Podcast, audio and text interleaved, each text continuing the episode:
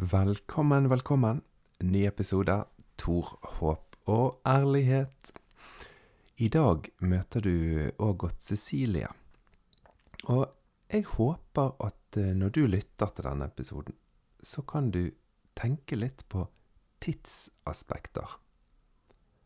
Ågot er født tidlig på 60-tallet, og hun har opplevd en del ting som noen av oss vil tenke men i all verden, dette høres jo ut som det er mange hundre år siden vi holdt på med.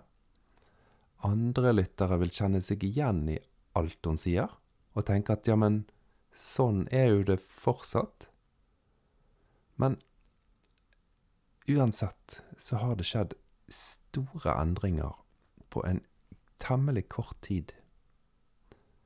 Og når jeg leser historie, så begynner jeg å tenke at de store endringene, de har alltid skjedd. Det har alltid vært store endringer. Jeg tror alle mennesker til alle tider har følt at endringene i deres levetid har vært helt overveldende. Kanskje ikke det ga så mye svar, men lytt til episoden, og tenk på forutsetningene og tankegangene som har preget det kristne livet siden 60-tallet og frem til i dag. Vær så god, dette er en kjempeinteressant episode.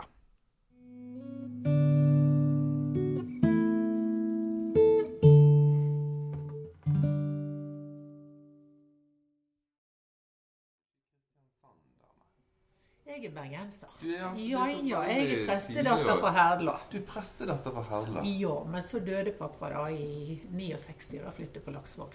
Ja, ja, ok, men du flyttet ikke vekk fra Bergen? Jeg flyttet ikke vekk, jeg flyttet nærmere Bergen. Ja. Men jeg er født i Bergen. Vokste opp i kirken? Ja, det kan du si. Pappa bar meg til dåpen under store protester fra sin datter. I Ja. full kirke på andre pin, første pinsedag på, Ja. i Herdla kirke. Ja. Der var kirken smekkfull, og dattera skreik så hun kunne. Og siden har hun i grunnen lagt lyd. Ja, du har Ja. vært høylytt hele veien. Jeg har vært høylytt hele tiden. Ja. Mm. Men hvor gammel var du når din far eh, døde? Du, han ble begravet på åtteårsdagen min. På åtteårsdagen din? Ja. Så tidlig, ja. Fordi at min pappa hadde vært gift en gang før, så han hadde mistet uh, han I ekteskapet så mistet han to barn, og så døde konen. Mm. Så han traff min mor i 59. De kjente hverandre fra Ålesund. Mm. Hun var da ålesunder. Mm.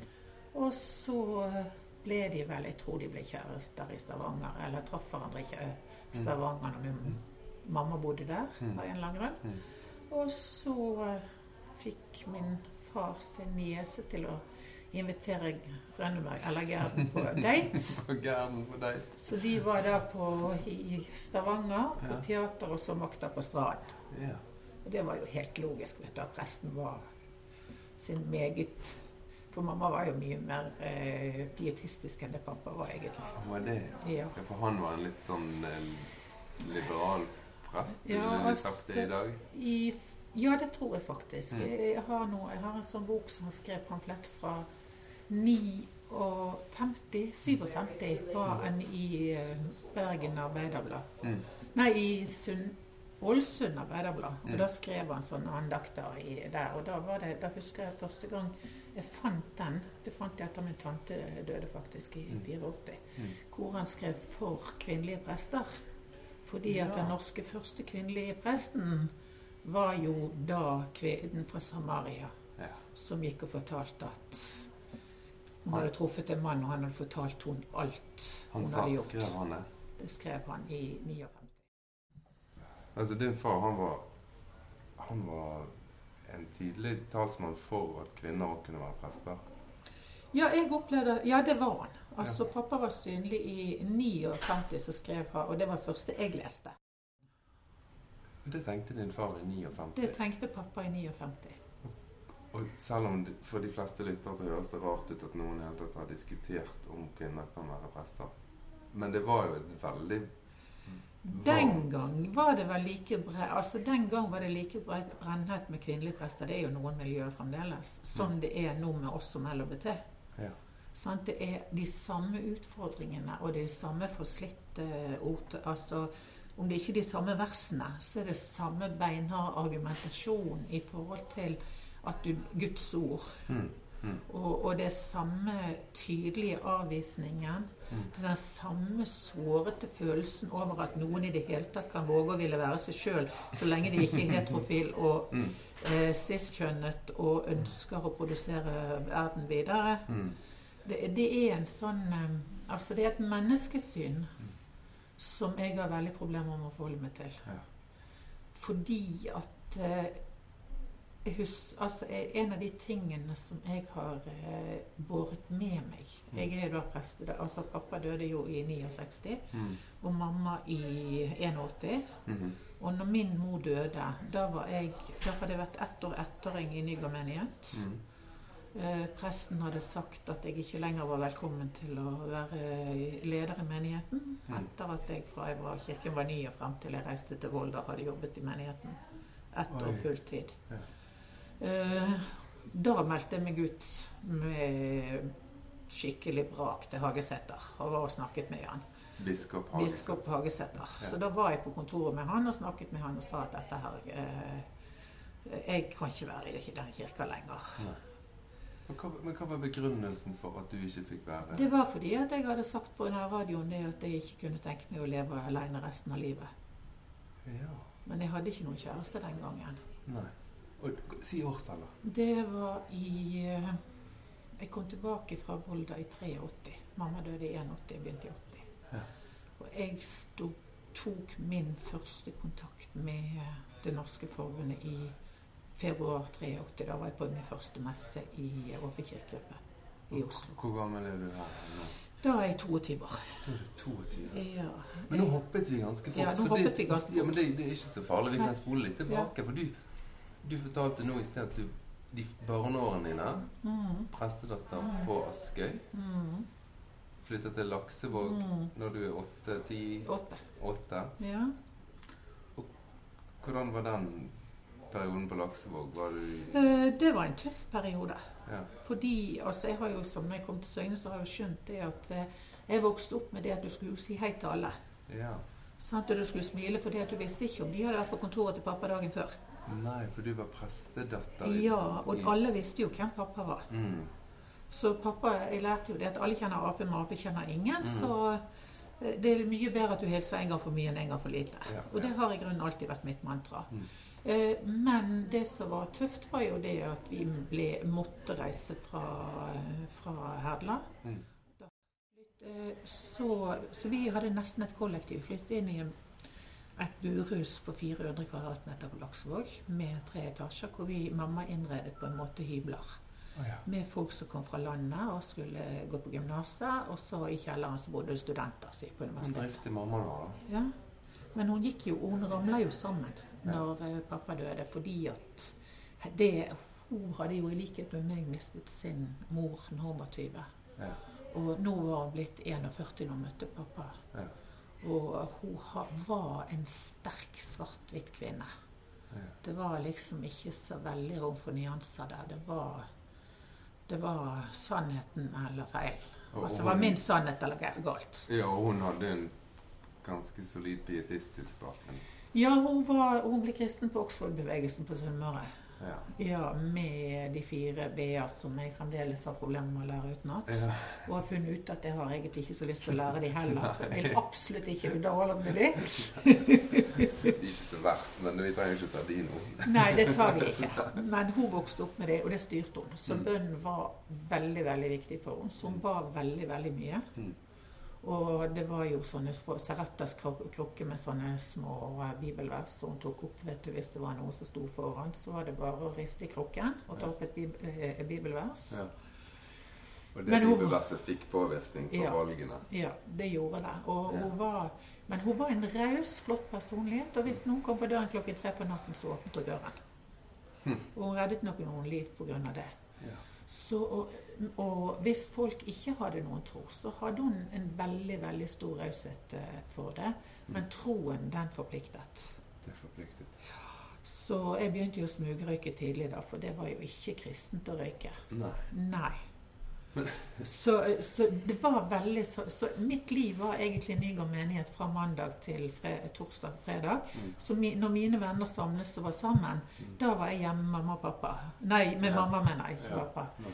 Eh, Så hvis det ikke var et kristent arrangement, da, en gospel night eller noe sånt, da var det godkjent. kirke hele tiden for deg. Det var kirke hele tiden. Du klarer du å beskrive dine tanker om Gud på den tiden?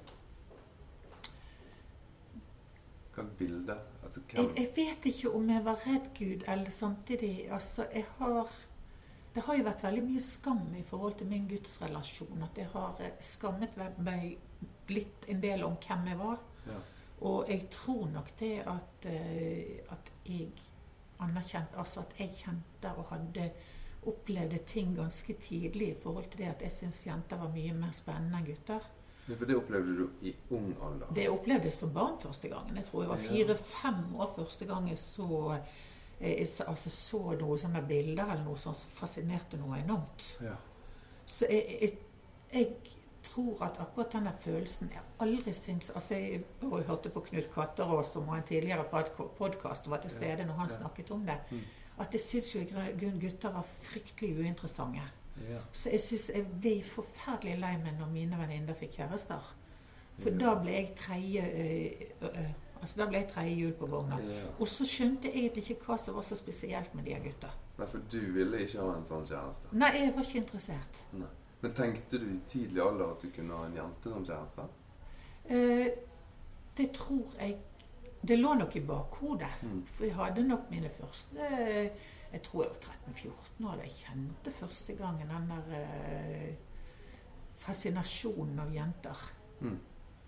Men eh, jeg lærte jo tidlig at det var endetidstegn, og at forandringen i folks holdning til homofili, det var et tegn på at endetid, nå var endetiden nær. Og Endetidstegn? endetidstegn, det vokste, det hørte jeg. Nei, tuller. Nei, jeg tuller ikke. Dette var kirka den norske. Er det sant? Ja.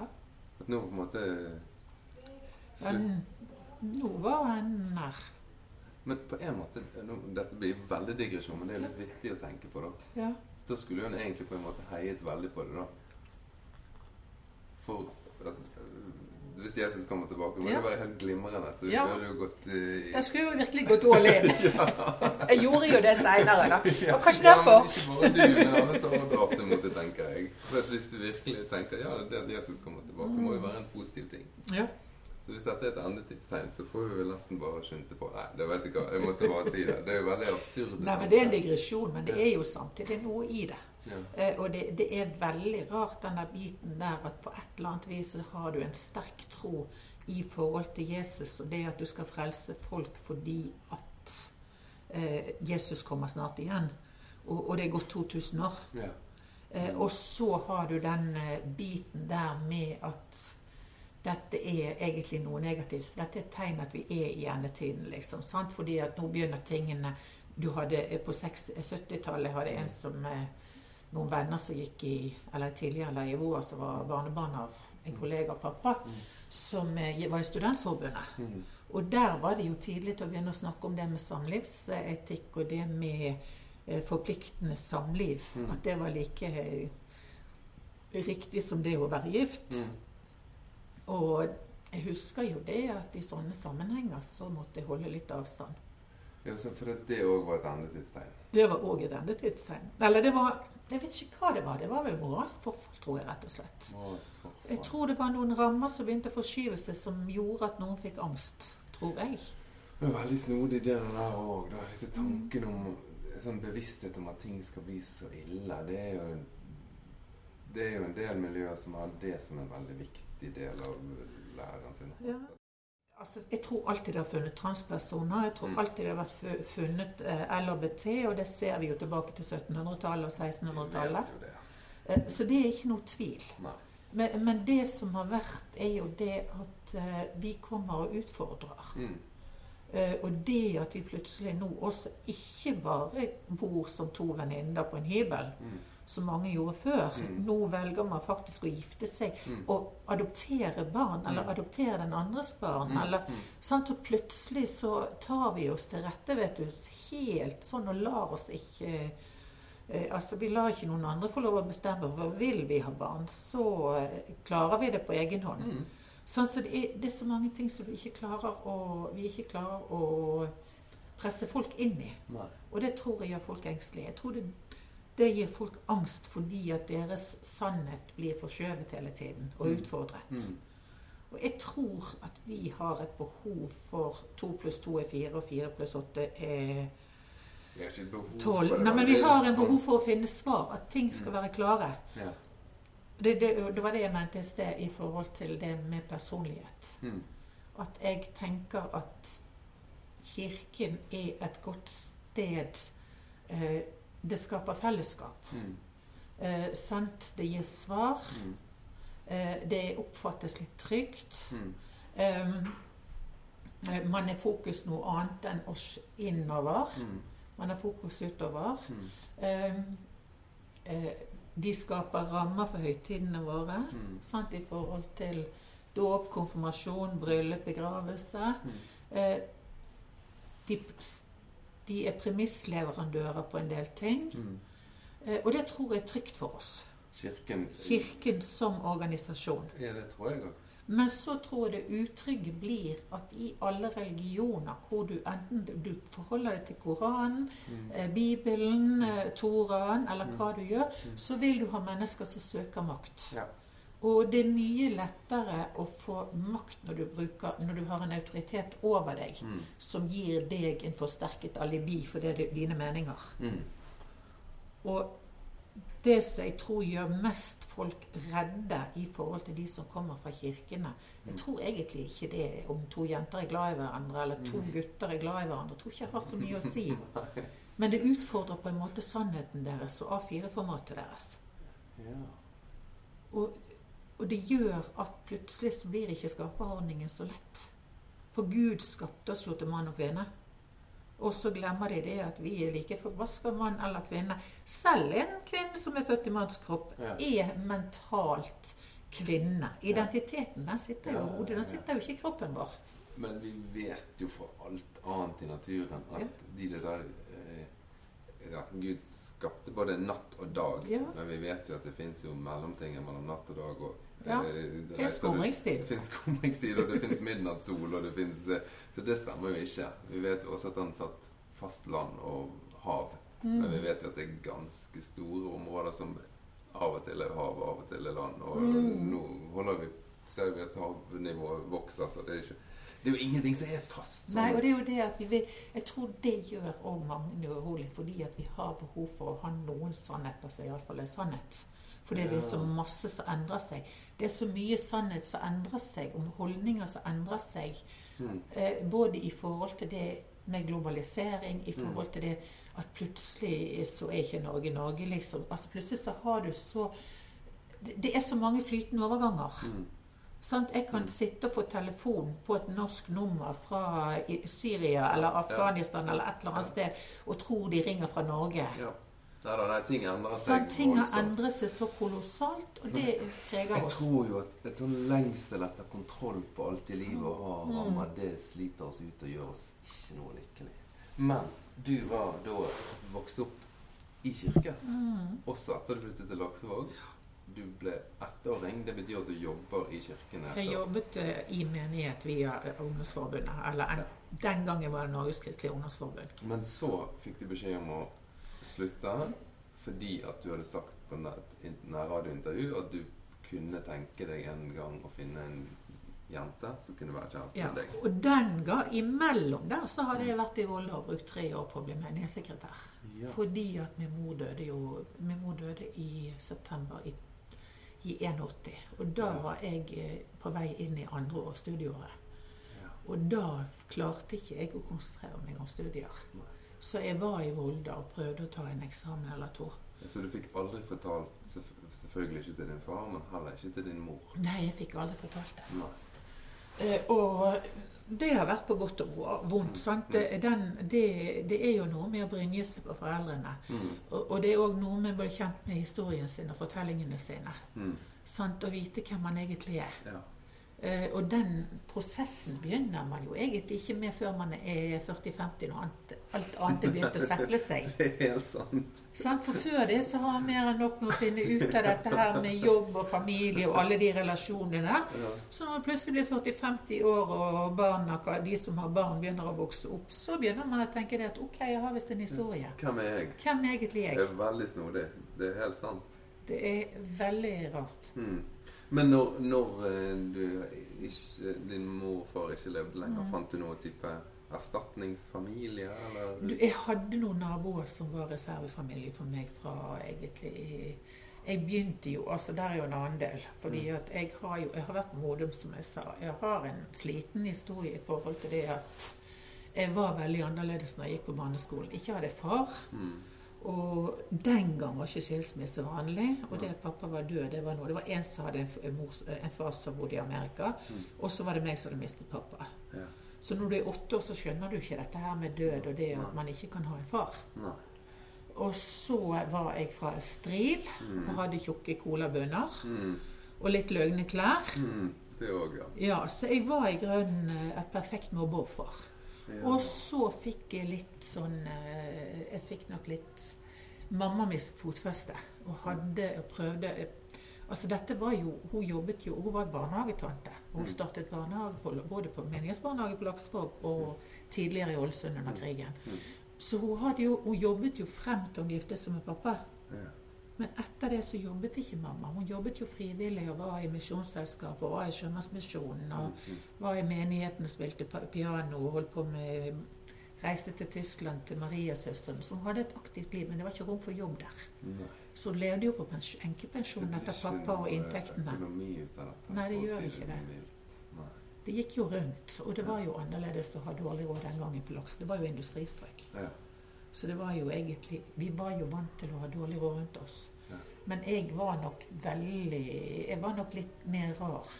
Og så begynte jeg i en ren jenteklasse i eh, tredje klasse, nei, for jeg hadde gått to år på skolen. Mm. Og gått igjennom Jeg begynte da jeg var seks år, var 100 skolemåneden. Mm. Og kom på sko og begynte da eh, i en jenteklasse. Og etter tre måneder så satte de meg ned fra tredje klasse, ren jenteklasse ned i en blandingsklasse. ja. Og dumpet meg. I tillegg. I tillegg. Og tok meg ut av klassen og sa jeg ikke var skole... Altså at jeg hadde oh. Så det var jo det perfekte mobbeoffer. Ja. Så jeg eh, det, Og dermed så var jo skolen alltid vanskelig for meg. Så dermed så fikk jeg jo konsentrasjonsproblemer på grunn av det. Og så I tillegg når du da er ungdom, så merker du at du ikke blir forelsket i guttene som alle andre tenker på en ny annerledeshet. Ja, og jeg tenker, men den har nok vært der hele tiden. Ja. Den har lagt i bunnen. Jeg har aldri skjønt. Og, og det er jo den biten som jeg har jobbet ekstremt med å formidle til folk. Mm. At du skjønner det at vi kan Altså, vi kan la være å si at vi er lesbiske eller homofile. Vi kan la, la være å fortelle. Mm. Men vi vet jo ikke av noe annet. For identiteten vår ligger jo i måten vi reagerer på andre personer. Ja. Det er ikke noe jeg kan fortelle til eller fra. Jeg kan sette lokk på det, ja. Mm. Men identiteten min kan du ikke ta fra meg. Nei. Jeg er bergenser. Du kan ikke ta det fra meg. Sant? Jeg har troen min. Du kan heller ikke ta fra meg den. Nei. For den ligger i blodårene mine. Ja. Eh, Du kan godt ta fra meg tilhørigheten til kirken, fordi at noen ganger så får jeg tretthetsbrudd i forhold til kirken og bare har, har meldt meg ut med bulder og brak to ganger, sant? men meldt meg inn igjen. For jeg tenkte at nei, men det er jo her jeg hører hjemme. Men- Og jeg har en relasjon til Kirken var min nærmeste familie. Ja. Sant? Så de er så viktige for meg. Så når du gikk til Hagesæter som 22-åring og sier 'jeg melder meg ut', Ja. da var det mer enn, da var det mer enn å gå ut av en organisasjon? Ja, det var kanskje 23. Ja, det Ja. var mer enn det. Det var, for, det var egentlig å gjøre det slutt med familien min. Ja. Men det er jo noe rart med blodsbånd. Men hva var responsen når du sa noe sånt? Nei, jeg måtte skrive brevet til presten. Og sa ja, men det kan jeg godt gjøre, sier jeg, men jeg er interessert i å fortelle deg hvorfor jeg går ut. Mm. Så vi hadde en prat, og det var ullent. Det var ullent, ja. Ja, fordi at uh, det var ikke helt lett. Eh, så eh, jeg kan ikke huske hvor Altså, resultatet var iallfall at de ikke ombestemte meg. Ja. Så jeg fortsatte å melde meg ut, og så Mm. meldte meg vel inn igjen i 86 Det begynte jo å skje endringer i forhold til eh, Vi jobbet jo med vet, Jeg har vært med på Jeg har vært med i DNF, jeg har vært med på opprettelsen av LLH. Og jeg var med eh, når, på landsmøtet når FRI ble opprettet. Mm. Så har jeg vært Og jeg var i Åpen kirkegruppe i veldig veldig mange år. Og vi hadde Åpen kirkegruppe i Bergen, eller Guds løvetenner. Mm. Eh, Så jeg har jo vært i denne organisasjonen til og fra. Mm. Og så har jeg vært eh, Så har jeg bråkt litt i kirka. Ja, jeg har alltid skrevet mye. Alt har ikke vært like godt, men jeg har alltid vært glad i å skrive. Og når jeg har noe på hjertet, så har det vært eh, et behov for å få det frem. Mhm. Og min utfordring var Altså, det jeg skrev den gangen etter mange Det var jo når jeg var i Volda og skulle bli menighetssekretær og tok kristendom mellom Altså, det var jo et studie på to år. Mm. Det var egentlig kristendom grunnfag pluss med utvidelse. Mm. Så eh, så så hadde Ole Fredrik Einarsen, som hadde vært ettåring i Ungdomsforbundet året før meg. Mm. Han hadde blitt eh, Han hadde fått jobb i Lilleborg menighet. Altså Han hadde gått menighetsseminar, som var en annen utdannelse til menighetssekretær. Så han hadde fått jobb i Lilleborg menighet, og det ble jo en rettssak der fordi han fikk jobb i Lilleborg. Mm. Og så ble det plutselig problemer fordi han hadde sagt at han ikke kunne tenke seg å leve alene. Det Ja. samme som jeg jeg egentlig gjorde noen år etterpå. Ja. Eh, og så Så da sto det en del i avisen, og, det sto, og da skrev jeg et, ganske mange innlegg. Mm. For da, var, da hadde jo jeg kommet i den Jeg hadde vært i den uh, settingen. For det første så hadde jeg hadde vært i Volda, jeg mistet mamma. Mm. Jeg hadde vært på lagsleir og vært utsatt for demonutdrivelse. Oh, det var det òg, ja. Jeg bare reiser rekke. Mm. Eh, og eh, det hadde jo selvfølgelig med seksualitet å gjøre. Ja. Og den biten har tre prester over seg som Ah. skal i svarte kapper og skal dra, drive ut en demon. Det var på den tiden det gikk eh, altså det med, det gikk det sport i det med demonutdrivelser. Å, Ja, det var den Kirka den norske, du. Oi. Vi har en del sånne eh, Det er ikke all kirkehistorie som er like god historie. Mm. Men alle disse tingene hadde jo gjort noe med meg. Mm. Eh, Og jeg reiste på Modum, og der var det Det ga meg Altså, jeg var der et halvt år, og det ga meg en del livsmestringsgreier. Men jeg strøk i kirkehistorie, så jeg var ikke ferdig i Volda. Eh, Jeg skrev vel tre eksamener, tror jeg, på kirkehistorie. Og egentlig så til tre ganger så traff jeg. Det var ikke fordi jeg ikke hadde lest. Men, så det var jo bare litt så morsomt. Ja, nå er det morsomt. Nå er det ikke veldig morsomt. Nei, det var ganske kjørt den gangen. Ja, ja. Eh, Men i så fall så reiste jeg jo da til Volda. Nei, til Modum. Mm. Hadde vært på Krødsherad når jeg var på Krødsherad i praksis, for menighetspraksis. Mm. Det ligger da en halvtime fra Modum. Mm. Så, eh, så gikk, hadde Jeg lest veldig mye om denne rettssaken med Lilleborg, og da var det skrev jeg noe om at det var høy test Altså, jeg skrev tre innlegg som jeg ikke aner hva sto om, men som òg gikk om det med kirkens syn på homofili. Ja. Eh, og jeg fikk ikke de inn. De trykket ikke? De trykket ikke.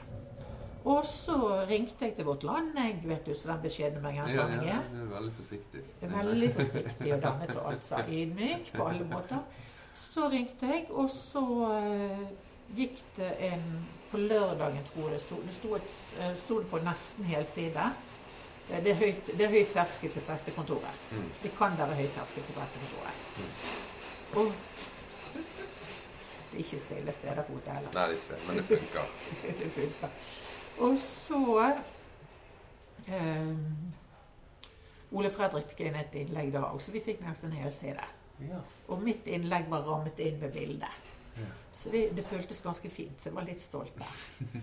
Så hadde jeg en bekjent av meg som da også hadde gått så jobbet på bispekontoret. Så hun hadde lagt den eh, på eh, kontor, eh, inn på kontoret, artikkelen åpen, da. Så Mm. det, det skulle ses på bispekontoret, da. Og da var det jo en av disse her eh, prestene da, som Mm. jobbet, var tilknyttet Stiftskapellan, heter vel en Mm. gang. Så jeg, tror- jeg husker ikke, men han hadde iallfall sagt det at det er nå velsigna godt at ikke Gerd lever og får oppleve dette. Din mor. Herlighet. Så, så det har vært litt Altså dette her er jo litt av de puffene som har gjort at eh, At tilhørigheten til kirken har vært sånn på godt og vondt. Mm.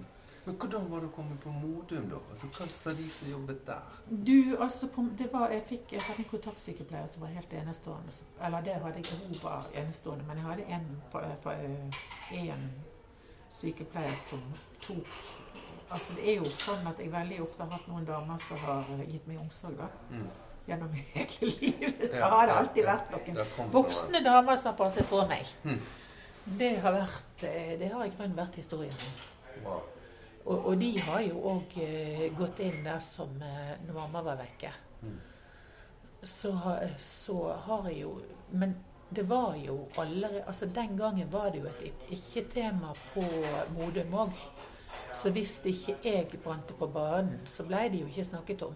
Altså selv på Modum Selv på, og det var jo på den altså det var jo, Den gangen var jo dette her en eh, drevet Altså det var en privat stiftelse. Og jeg måtte jo bruke eh, både Altså jeg måtte bruke mine bekjentskaper for å få plass på Modum. Ja. Men fordi at jeg hadde en far som var prest, og fordi at jeg holdt på å bli menighetssekretær, og fordi at jeg kjente en del som var venner med, så klarte jeg å komme inn. Ja. Både via læreren min i Volda og en del andre. Jeg brukte de kanalene jeg kunne. Ja. Og jeg var der et halvt år. Et halvt år, det er lenge, det. Det er lenge på Modum. Og, og jeg, jeg tror nok det reddet livet mitt i forhold til det at det de jobbet med der, var mål og veier å nå målet. Mm. Og, og det var snakk om å jobbe Altså det var gruppesamtaler, og det var det å jobbe og gå turer og bevegelse. Sant? Du måtte jo Jeanette Kaggestad, du var ute hver dag. Mm. Det var bevegelse, og det var en del flotte miljøarbeidere som var der og så oss, men hvor vi ikke snakket så mye om psykiske ting, men vi snakket om å være. Bare altså det med vennskap. Sant? Jeg hadde en som ga meg nøkkelen så jeg kunne ta en tur til Krøderen og Ja. låne en venninne sin hytte der og få litt hvile på Aupus, liksom. Og godt. Bare ta bilen. Ja. Så jeg, hadde, jeg var 22 år, og jeg hadde noen fantastiske folk som ga meg veldig mye omsorg. Ja. Og som nok visste at jeg trengte det. Ja. Jeg er den Altså, jeg er dattera med mor og med far. Ja.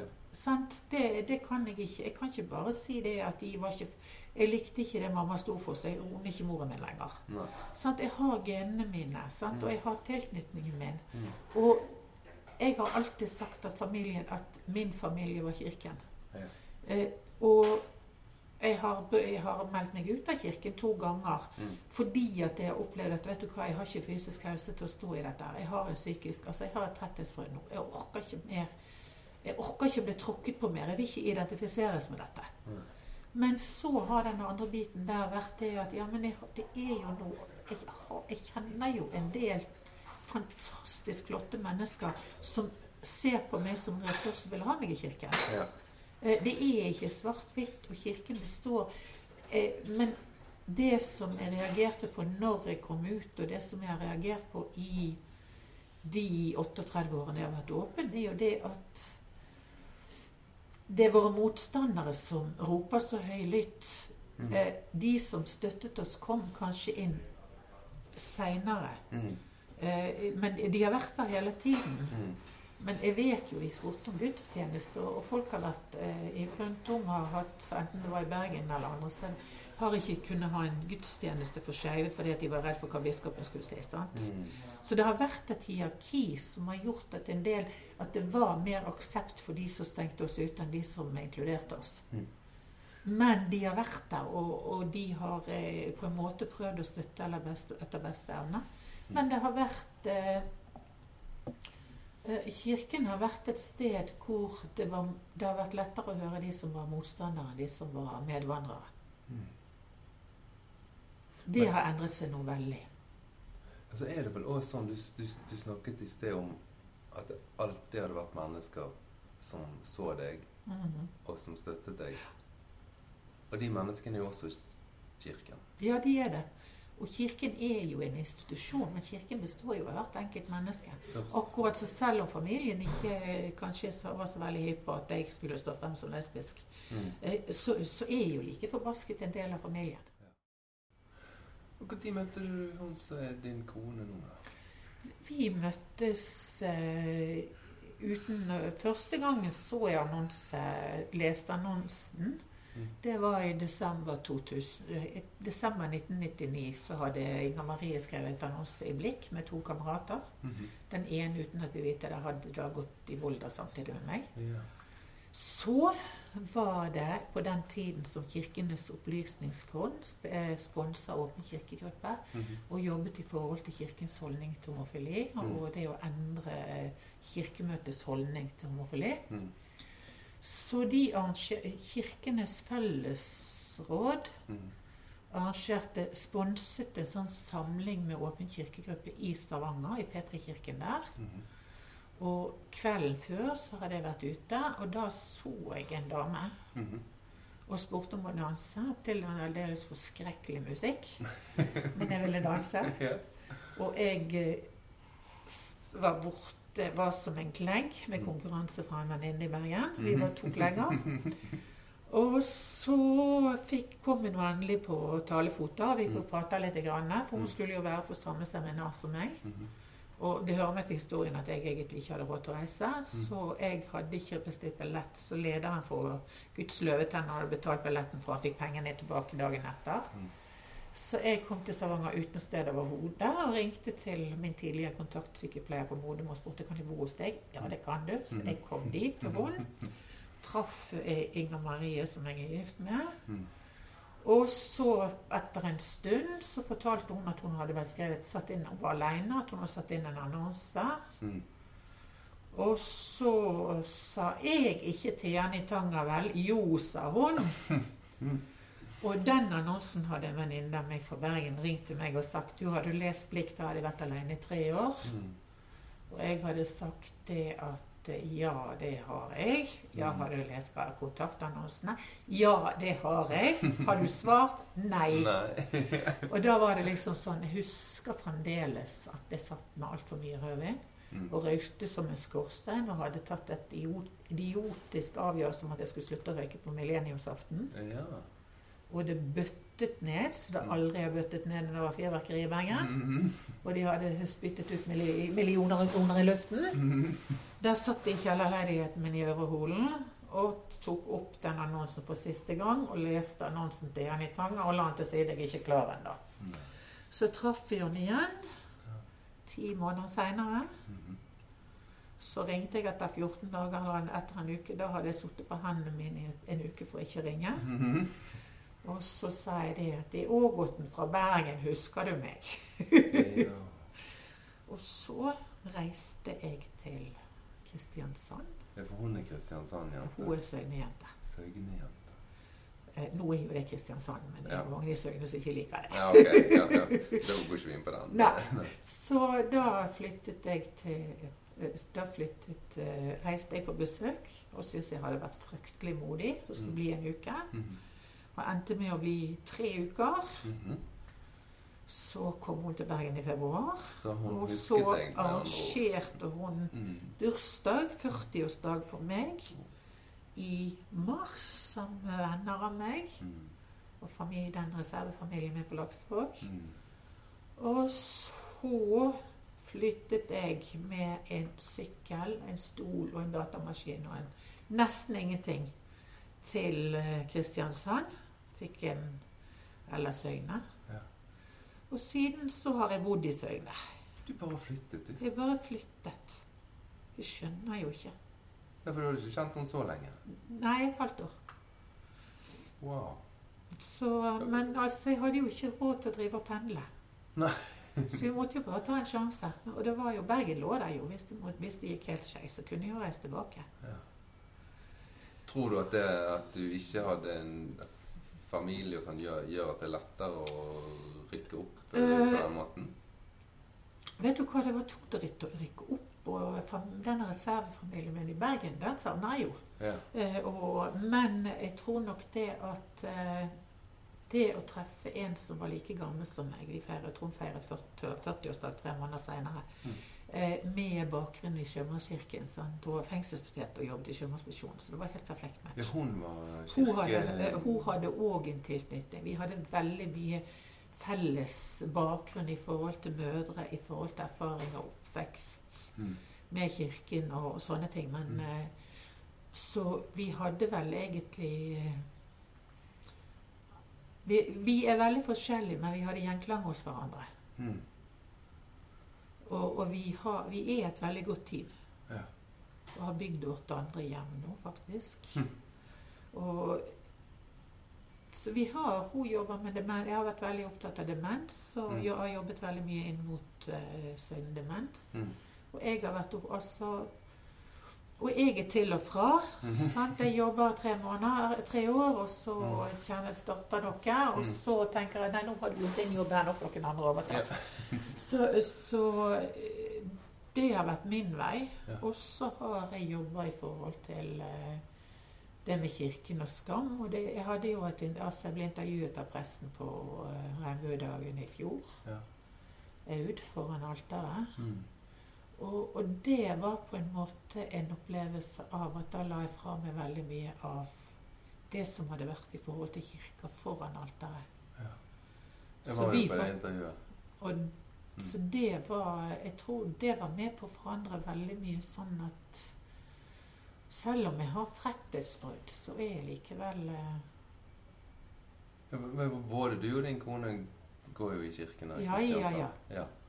Så, så vi har jeg, Hun er mye flinkere til å gå i kirken enn meg, og hun sitter i diakoniutvalget i Søgne. Ja, ja. Jeg må ha litt sånn, jeg må ha litt sånn gudstjenestepauser av det meste, fordi at jeg eh, det, det er fremdeles eh, Det er fremdeles noe som er sårt.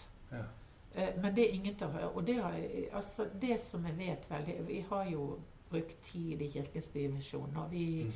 Ble vigslet i Kirkens Bymisjon etter at vi hadde partnerskaps... eh, Først hadde vi partnerskapsinngåelse, og så Mm. ble vi velsignet i Bryggekapellet. Mm.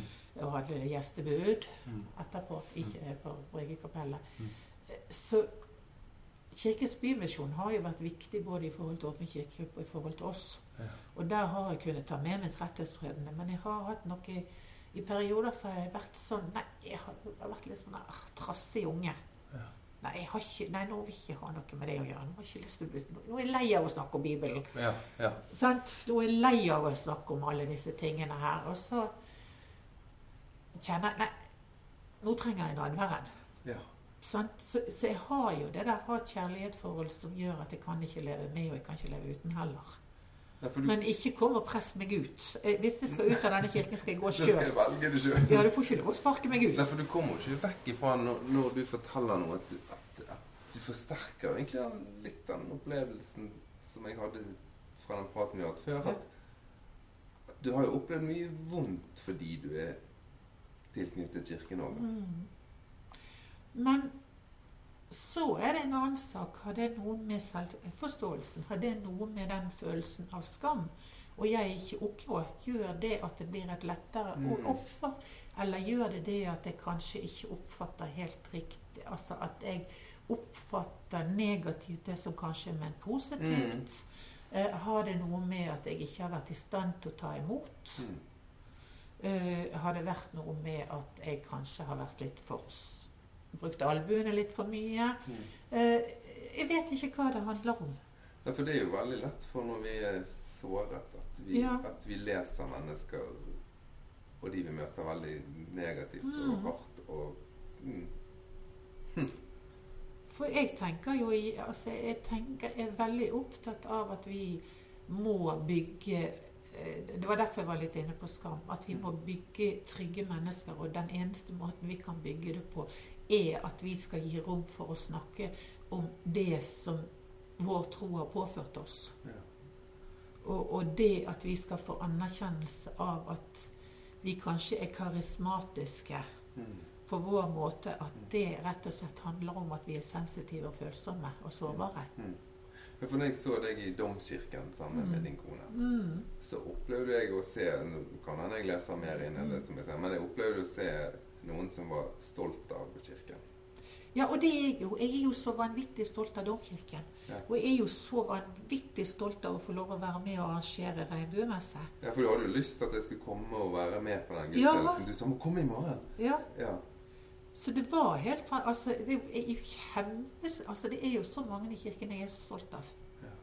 Og jeg syns jo det at eh, Kirken òg Altså både min kirkelige familie og min uh, biologiske familie består jo av alle slags mennesker. Som, Mm. Og noen er, for, noen er på bølgelengde, og noen er ikke på bølgelengde. Mm. Fordi at vi stilte inn på forskjellig frekvens. Ja. Men når vi møttes første gang, så virket det da, da snakket jo vi litt rundt dette arbeidet med Skeivt kristent nettverk. Da virket du nesten litt der at du tenkte at det ikke var noe vits i å starte opp. Ja, jeg var kanskje litt skeptisk, og det er vel egentlig eh, Men det har noe med eh, også det jeg har hørt Altså det jeg har opplevd fra disse karismatiske miljøene. Mm. Sant? Og den tiden jeg var inne på Åse, og når jeg var i laget uten sammenligning for øvrig, men det er en del felles. Mm. Mm. Eh, det er den der veldig sånn eh, svart-hvitt tankegangen som jeg opplever eh, i forhold til bl.a. meg som skeiv. Mm. Så jeg tror Og jeg ser jo òg denne biten der med at jeg har akkurat disse, altså jeg har jo hatt akkurat de samme fordi at jeg hadde den opplevelsen og har møtt en del karismatiske venner, Mm. altså karismatiske mennesker, så hadde jo jeg også fordommer. Sant? Fordi at det var noe på en måte enda verre. Mm.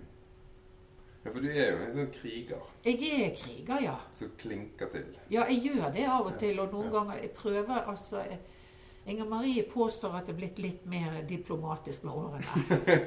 Eh, I noen sammenhenger så kanskje begynner det å nærme seg. Men jeg, men jeg kjenner jo det der jeg, Jeg lar meg fremdeles provosere Mm. veldig. Eh, og den diskusjonen i forhold til konverteringsterapi, Mm. og, og den følelsen av at du har en gruppe mennesker både i kirker og utenfor kirker, men i andre kristne organisasjoner, som blir krenket over at jeg sier at jeg vil òg høre til her. Ja.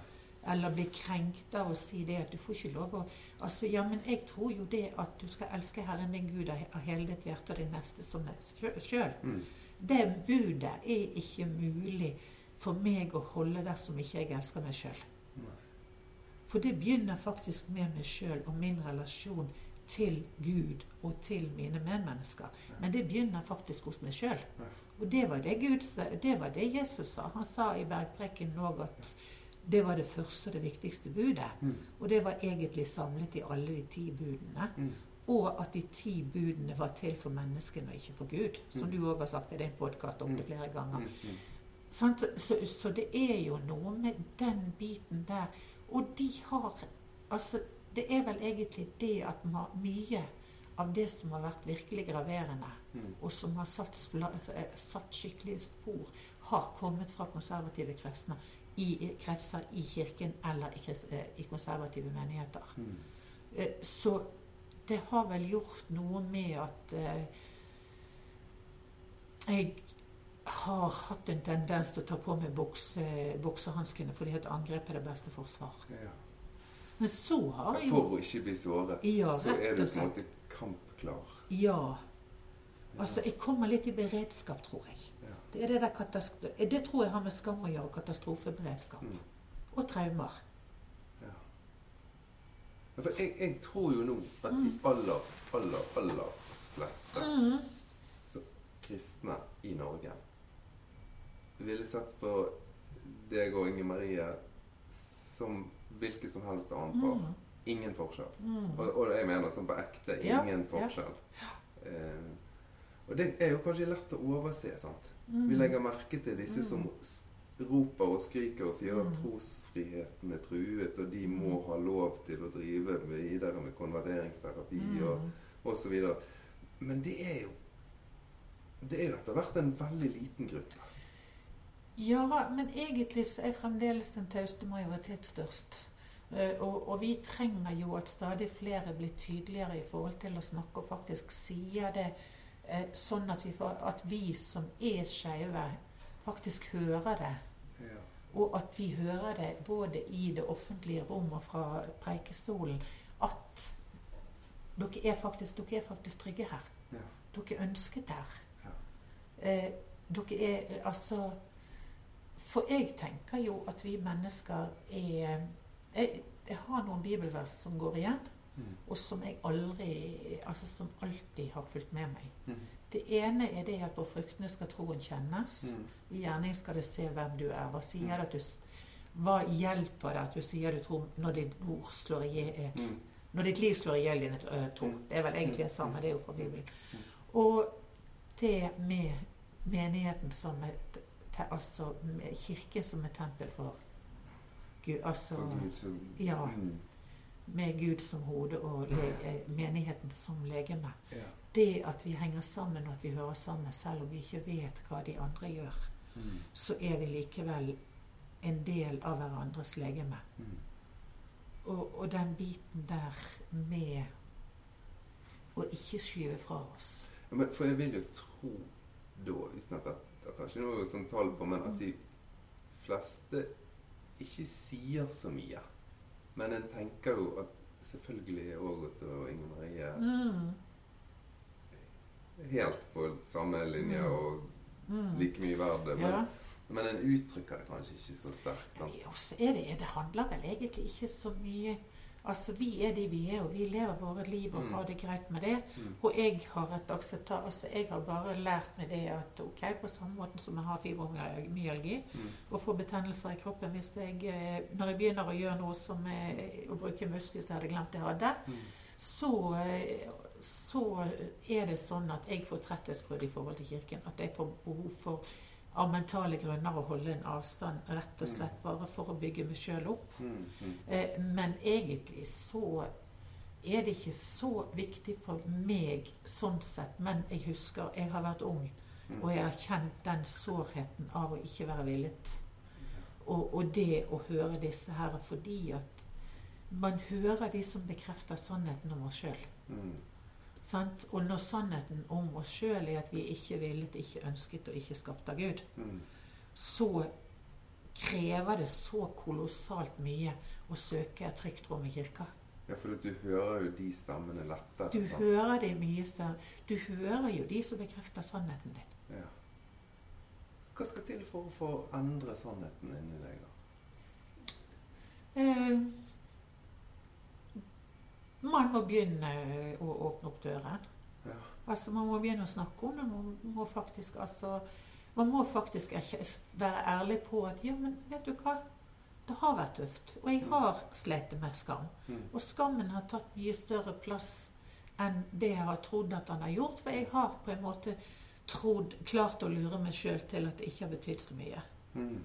Og så har jeg funnet jeg har hatt en overlevelsesstrategi. Og så er det jo sånn at oftest er klovnens ansikt har tårer bak. Ja. Sant? Og at eh, de som har en tykk hud, gjerne har altså Det er jo noe med at toffusjokolade er veldig god nettopp fordi at den er hard utenpå Og myk. myk inni. Men, det, men det, jeg syns det der er veldig spennende, det vi snakker om nå. Fordi at det går jo igjen at det handler jo ofte om hvordan vi tenker om oss sjøl. Mm. Altså, Det som skjer rundt oss, betyr kanskje på en måte mindre fordi at vi fanger jo opp det som vi kjenner inni oss. Det fanger vi opp Mm. rundt oss nesten uansett.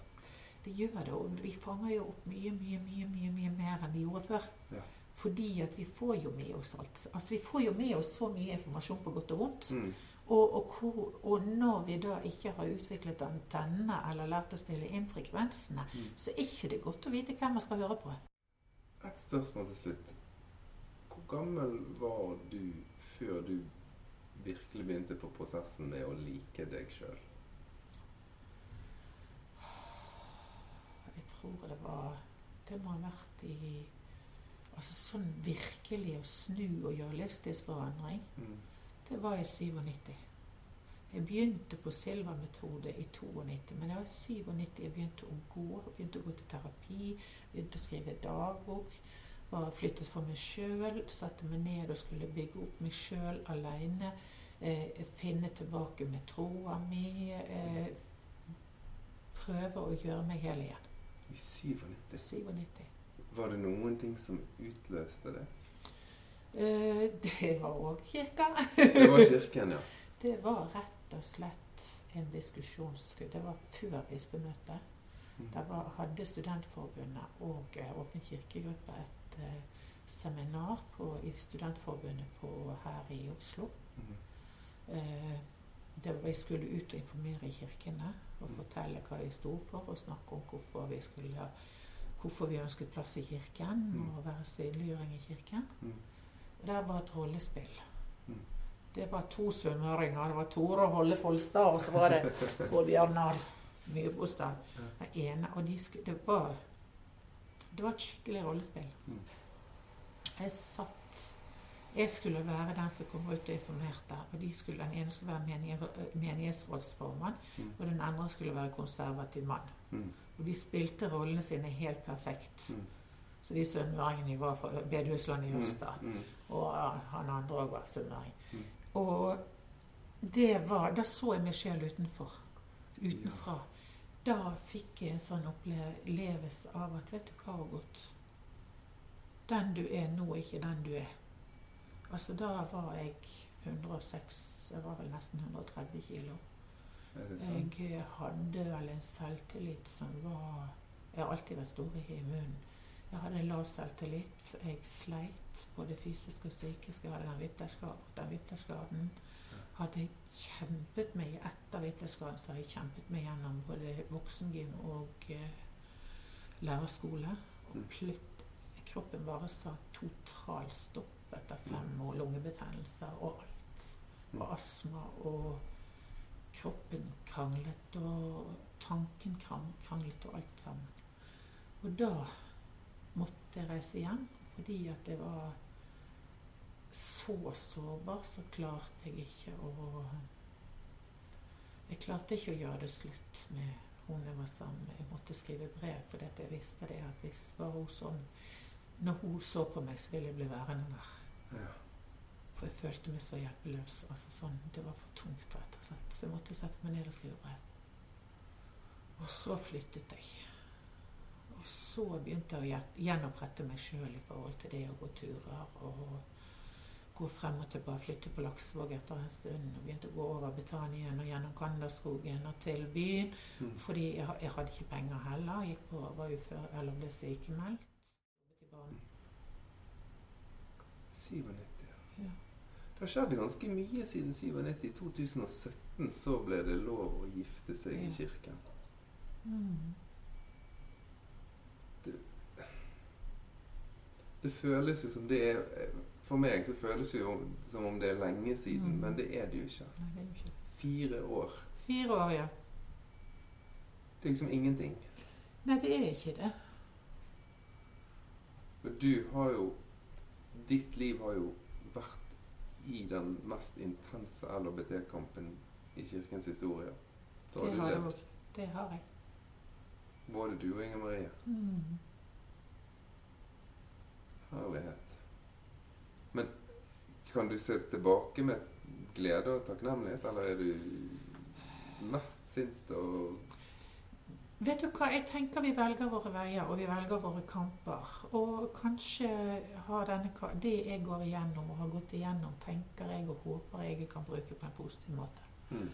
Sånn at ikke det har vært bortkastet. Og jeg Mm. tenker at eh, Altså, jeg har òg gått Camino to ganger. Sant? Fra, jeg har gått fra Santiago de Compostela Nei, fra San, Mm. Jean Pido eh, Santiago de Compostela sant? Mm. med ryggsekk. Og jeg har jo lagt fra meg ting på veien. Ja. Eh, og og så er det det at akkurat i forhold til foreldrerelasjoner, så er, må, så er det en sånn sentrifuge som jeg kommer inn i av og til med jevne mellomrom. Mm. Eh, Men jeg er jo et mye helere og sunnere og friskere menneske nå enn jeg var. ja. Eh, Og jeg har jo et mye Jeg har en mye bedre relasjon til meg sjøl. Mm. Og, og er mindre krenkbar fordi at jeg har Jeg er ikke så sårbar for hva andre måtte mene. Hm. Så jeg kjenner jo det at det har vært en kamp som ikke har vært forgjeves, og ikke ville vært unna. Og det er jo så mange som har vært med på veien. Ja.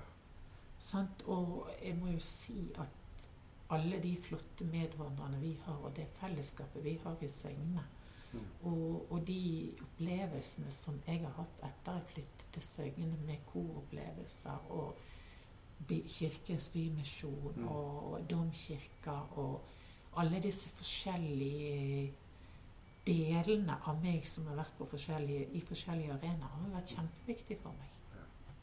Så det blir ikke flere utmeldinger nå? Nei, denne gangen må de leve med meg. Nå blir ikke det Nå er jeg lei. Alle gode ting er tre, så nå blir jeg værende. Og hvis de skal ha meg ut, så skal de bære meg ut. Så, så den er grei. Men jeg tror ikke det er noen fare lenger. Men jeg tror det handler om at jeg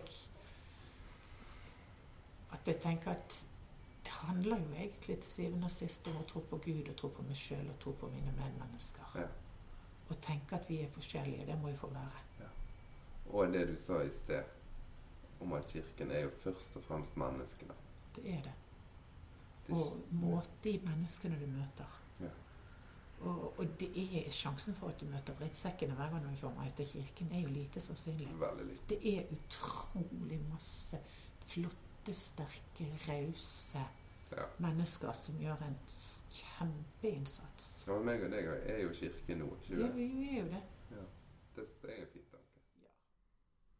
Ja, hvordan stopper vi en sånn samtale om, om livet? Ja, vi måtte i hvert fall avslutte her. Eh, og som du gjerne har hørt, så måtte jeg klippe vekk en del, fordi det praten varte veldig lenge.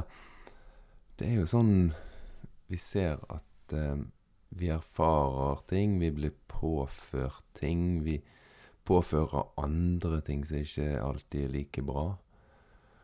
Og til sammen så prøver vi å navigere gjennom, gjennom dette her livet på en best mulig måte.